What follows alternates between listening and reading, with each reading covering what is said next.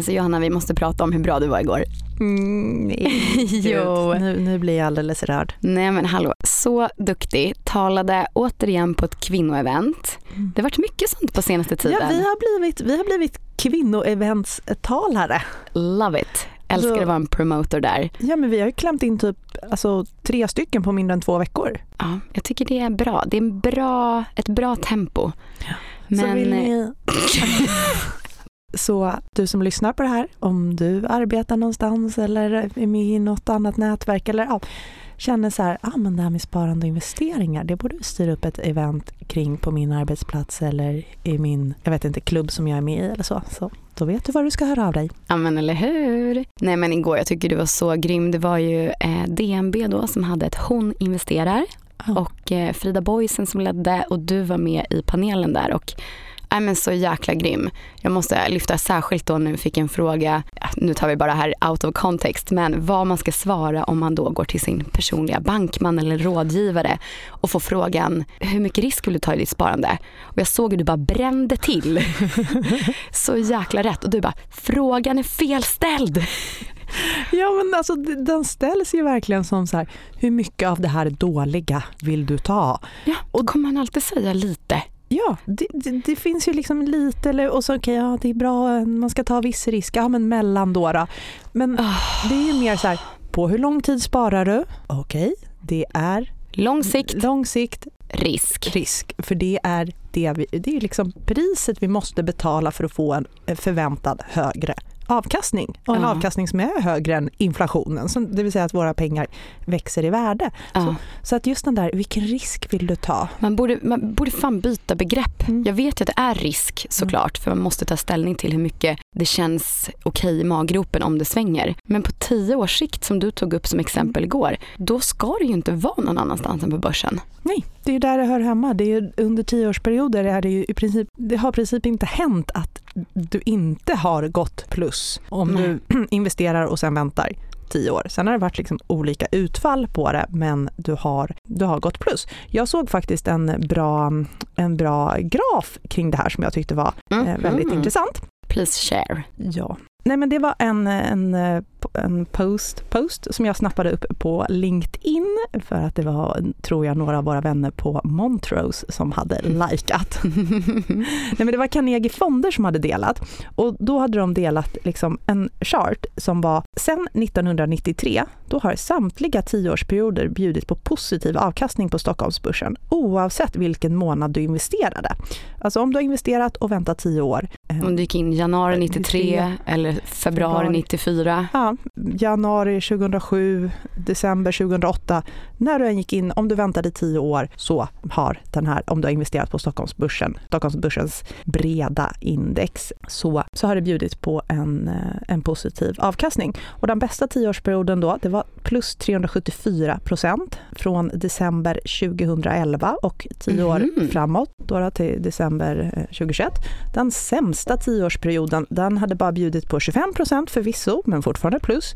Det var från, från februari 2000, alltså precis på toppen innan IT-kraschen. Just det, och in i finanskrisen dessutom. Ja, och in i finanskrisen. Så att, eh, ja, men det var fortfarande... Det var, Grymt. Tio år it is. Ja. Och då risk. Vi borde prata om ett annat begrepp. Jag tycker det var grymt. Du var grym som vanligt. ja, men det var för att jag hade dig där. Satt som Ah. största fanet längst, längst fram. Klappade som en du vet, glad liten Mm. pingvin och bara heja, heja, heja. Ja, det var kul. Alfahonor teamwork. Ja. Åh.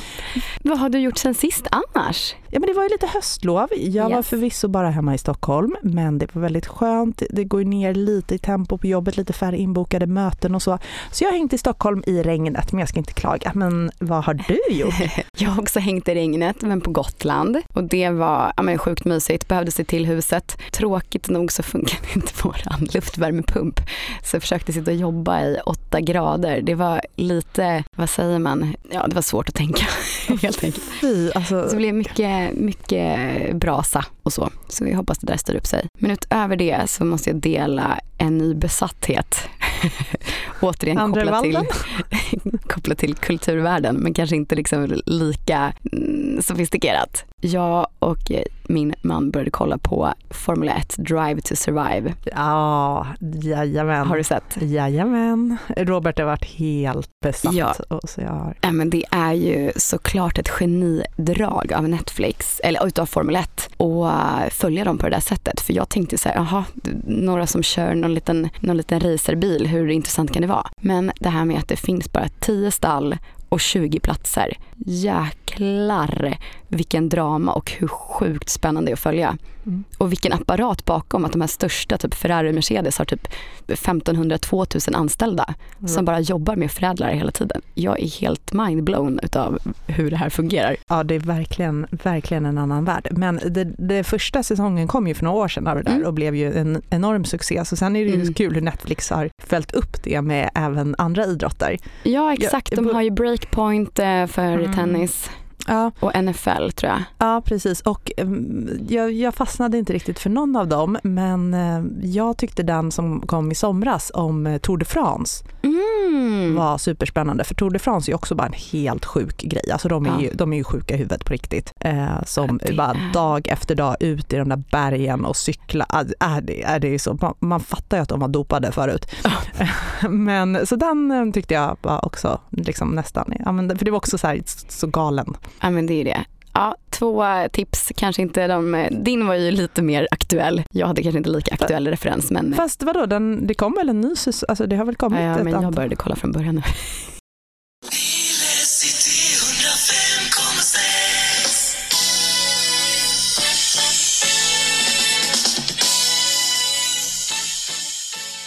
Okej, ett nyhetssvep då från Mm. veckan som gått och jag måste ju ta till mig såklart utav att sprida vidare nyheter från ön.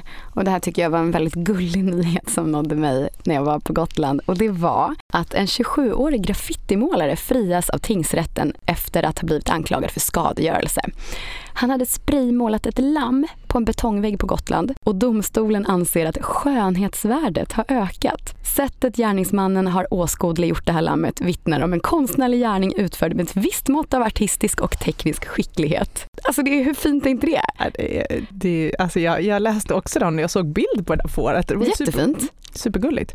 Och också så här att fastighetsägaren har inte, om det var Gotlands kommun eller så, har inte mm, tagit bort. Nej. Eh, De har inte liksom sanerat det här, vilket också tyder på att de uppenbarligen glada för det. också tycker att det höjer värdet. Ja, men ett litet ljus i mörkret måste vi ju sprida på här. Och som de säger då, citat igen, det avbildade subjektet, ett lamm, det är en symbol för Gotland som både region och turistmål kan svårligen uppfattas som anstötligt. Mm. Ja, och det var ju liksom inte på ringmuren eller något hus från eh, 1300-talet. Nej, det kanske hade varit annorlunda. Ja. Ringmuren. Ja, då är det ajabaja, men på en tråkig betongvägg. Go.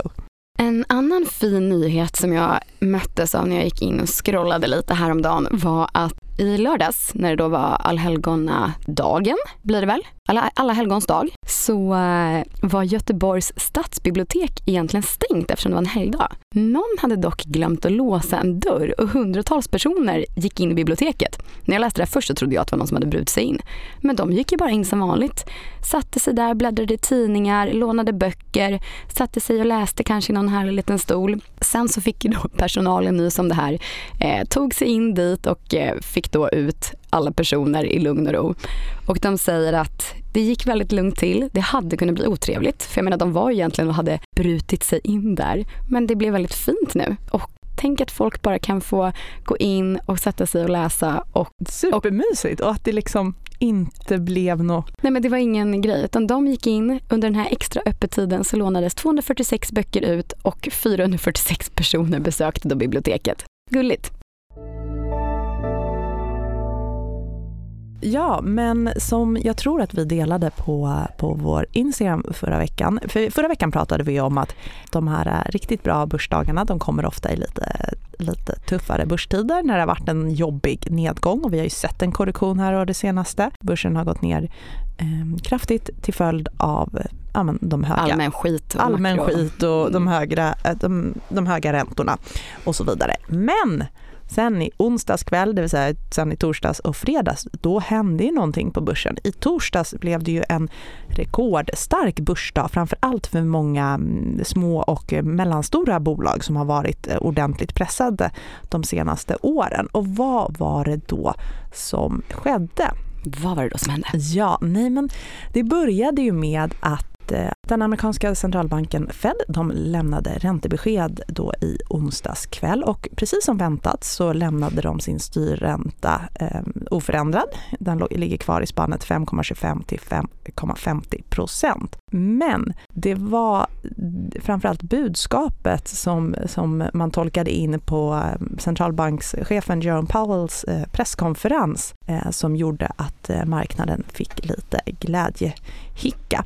För att även om Jerome Powell inte ville utesluta ytterligare räntehöjningar så tolkades hans uttalanden i samband med beskedet som att det ändå var, var åt det mjukast, mjukare hållet och att det är nog tillräckligt med de räntehöjningar som redan har skett. Det hade du inte behövt fråga honom om. Jag håller med. ja, precis.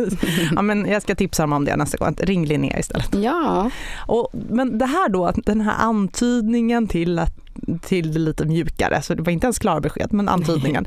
Det räckte ju verkligen gott och väl för en marknad som ju har varit ganska utsvulten på goda eh, nyheter den senaste eh, året, åren. Mm. Och det som skedde då var att det lyfte världens börser samtidigt som det eh, sänkte obligationsräntorna. Och då som Henrik Mittelman skriver i Dagens Industri så kan ju vän av ordning naturligtvis ifrågasätta vilken roll det egentligen spelar om den, spelar om den amerikanska statsobligationen handlas på 5,0% eller 4,6% Men det... Tydligen roll. Ja, tydligen eh, spelar det. roll. Ja, och det är ju den amerikanska långräntan som har liksom varit vägledande för riskaptiten i världen de senaste åren. Eh, vi har sett det när långräntorna har stigit kraftigt, när man tror mm. på höjda räntor framöver. Då har ju börsen eh, gått ner och framförallt de eh, mindre bolagen, tillväxtbolag som vi har pratat om här. Men nu när man tror att det är slut på räntehöjningarna och att inflationen faktiskt trendmässigt faller världen över, då faller även tioårsräntorna och då vice versa får ju börsen liksom blir börsen blir glad. Då blir, då blir börsen glad. Så att, Kul att man var med och var investerad då och inte missade en av de där dagarna. Ja, men verkligen. För det har vi lärt oss att det kan bli otroligt kostsamt att missa enskilda väldigt, väldigt eh, bra börsdagar. Och då är ju frågan, det här är ju på ett, eh, på ett globalt plan som vi ser att inflationen har fallit från att ha varit ungefär 10% förra året till 4% nu. Men i Sverige, dels 4 är högre än 2% som mm. målet mm. ligger på och den svenska inflationen påverkas ju även kraftigt av den svenska kronan och kronan är ju väldigt svag. Mm. Så att inflationen, Importera inflation och Ja, vi, då importerar vi inflation. Så den svenska inflationen är fortfarande alldeles för hög, mm. långt ifrån målet på 2% Vi har en väldigt svag krona som man vill stärka och allt det här tillsammans gör väl att de flesta bedömare ändå tror att den 23 november när Riksbanken lämnar nytt besked så kommer det bli en ytterligare höjning till 4,25 i styrränta. Vi ska se. De kommer få ett ytterligare inflationsbesked innan dess. Det kommer i nästa vecka. Men, men liksom den samlade bedömningen av experterna och analytikerna det är att det kommer bli en ytterligare höjning. Så det är, vi ligger lite efter här. Ja, vi ligger. Så att även om övriga Europavärlden har stannat upp med räntehöjningar vi har ju sett det, även vårt grannland Norge har de lämnat mm. oförändrat mm. nu men, men i Sverige kommer det nog bli.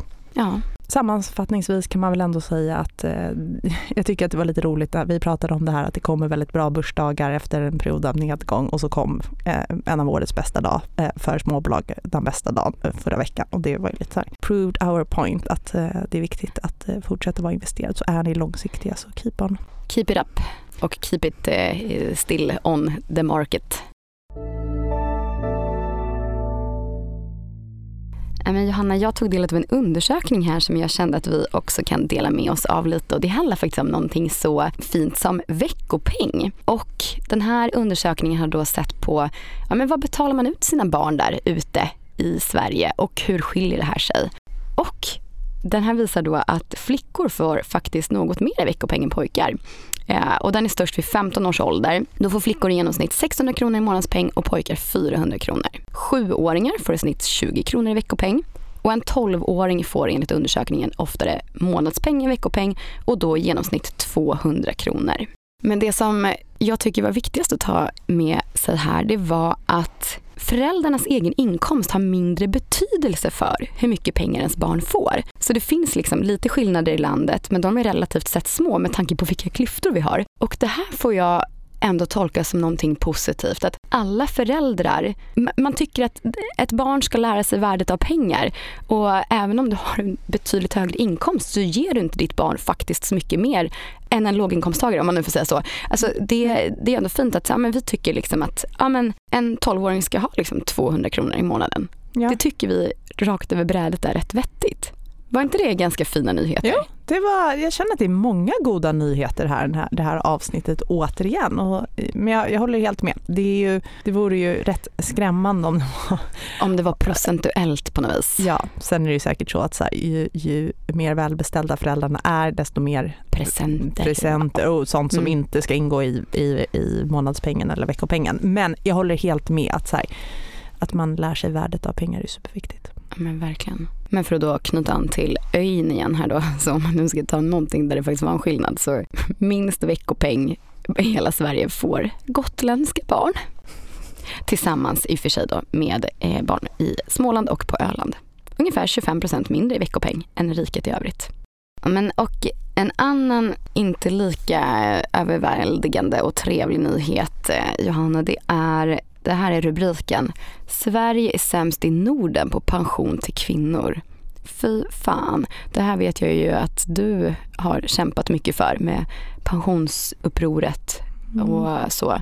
Det är ju så viktigt med vår pension, det är ju vår framtida lön. Sverige har störst skillnad i Norden bland kvinnor och män. Skillnaden mellan män och kvinnor är på hela 28 procent. Och en av de här största orsakerna är förstås oh, den ojämna fördelningen av betalt och obetalt arbete. Och sen så, ja men såklart inkomstskillnader, men faktiskt också hur vårt pensionssystem ser ut. För om man bara ska hoppa ner till hur det ser ut i Danmark. De har ett pensionsgap på 8 procent och eh, på Island så är det 5% Och det de gör till skillnad från oss i Sverige då tydligen, det är att de kombinerar sina pensionssystem. Så den här allmänna pensionen, det är någonting som i grunden är lika för alla. Ja, och det, det där finns väl för och nackdelar med för att, att, att det svenska pensionssystemet är inkomstbaserat. Det betyder att det vi arbetar ihop är det som vi sen så det, varje intjänad krona räknas och bidrar till den pension vi slår, får i slutändan i den allmänna pensionen. Och jag tycker det är en väldigt bra tanke med det. Sen har vi börjat urholka det lite med lite mm, extra pensions... Ja, det har ju kommit här de senaste åren, pensionstillägg och allt vad det är. Men med den här eh, att varje krona räknas så finns det ju en tydlig arbetslinje, att det ska mm. löna sig att arbeta och att, eh, liksom, att det måste True. finnas ett respektgap mellan om du har varit låginkomsttagare men arbetat hela livet uh. kontra inte arbetat i vad du får ut i pension i slutändan. Um, så jag kan ändå köpa liksom, eh, det upplägget som jag tycker är dåligt att vi håller på och urholkar. Men, men däremot att så här, kvinnoyrken har lägre in, löner ja. och att det är så otroligt vanligt med deltid och inte bara frivillig Exakt. deltid utan liksom tvingad deltid. Ja, Eller Nej, men för det är väl det att så här, i teorin så är det ju där det bästa ja. för alla.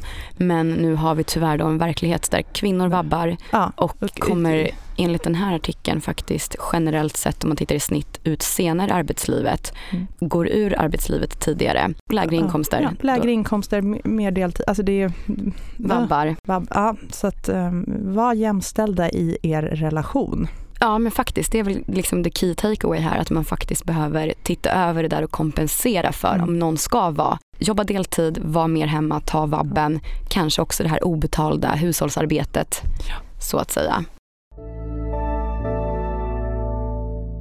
Okej Johanna, om vi bara ska sammanfatta dagen då. Så en del guldkorn och lite positiva nyheter. Viss typ av vandalisering går tydligen för sig. Man får bara fundera på vad, vilket landskap du är i och vad de har för symboler där. Ja, förvånansvärt många som besökte Göteborgs stadsbibliotek tycker jag framförallt för att det ska vara en dag då det är stängt. Japp. Men så fint att det liksom bara sköttes snyggt. Folk lånade de böcker de behövde, satt där och läste och ingen så här, Vi är skötsamma här ja ändå. men lite det här öppna samhället så som man vill ha det och som man ibland faktiskt tappar lite tron på. Och då är det fint att påminnas om att det finns fortfarande. Det finns fortfarande. Ja, inflationen den är på väg ner världen över. Världens börser fick en liten glädjeskutt när Fed signalerade att det är nog slut med räntehöjningar. Här i Sverige ska vi dock inte förvänta oss det utan vi får nog kallt räkna med en ytterligare höjning på 0,25 procentenheter. Så lägg på, gångra 0,0025, gångra det med ert eh, lånebelopp som ni har på bostadslånet får, och delar med 12 så får du se En trevlig försmak på hur mycket vi ska betala framöver. Ja, ytterligare mot vad du betalar idag. Ja, och veckopengen skiljer sig inte så nämnvärt i riket där ute utan vi vuxna tycker och har ganska liknande bild av vad ett barn bör få för att lära sig värdet av pengar. Mm. Fint. Jag tycker vi går ut på den. Vi går End on a den. positive note och så hörs vi igen nästa vecka. Det gör vi. Hör gärna av er med ämnen som ni vill att vi ska ta upp. Hej då! Hej då, tack för idag.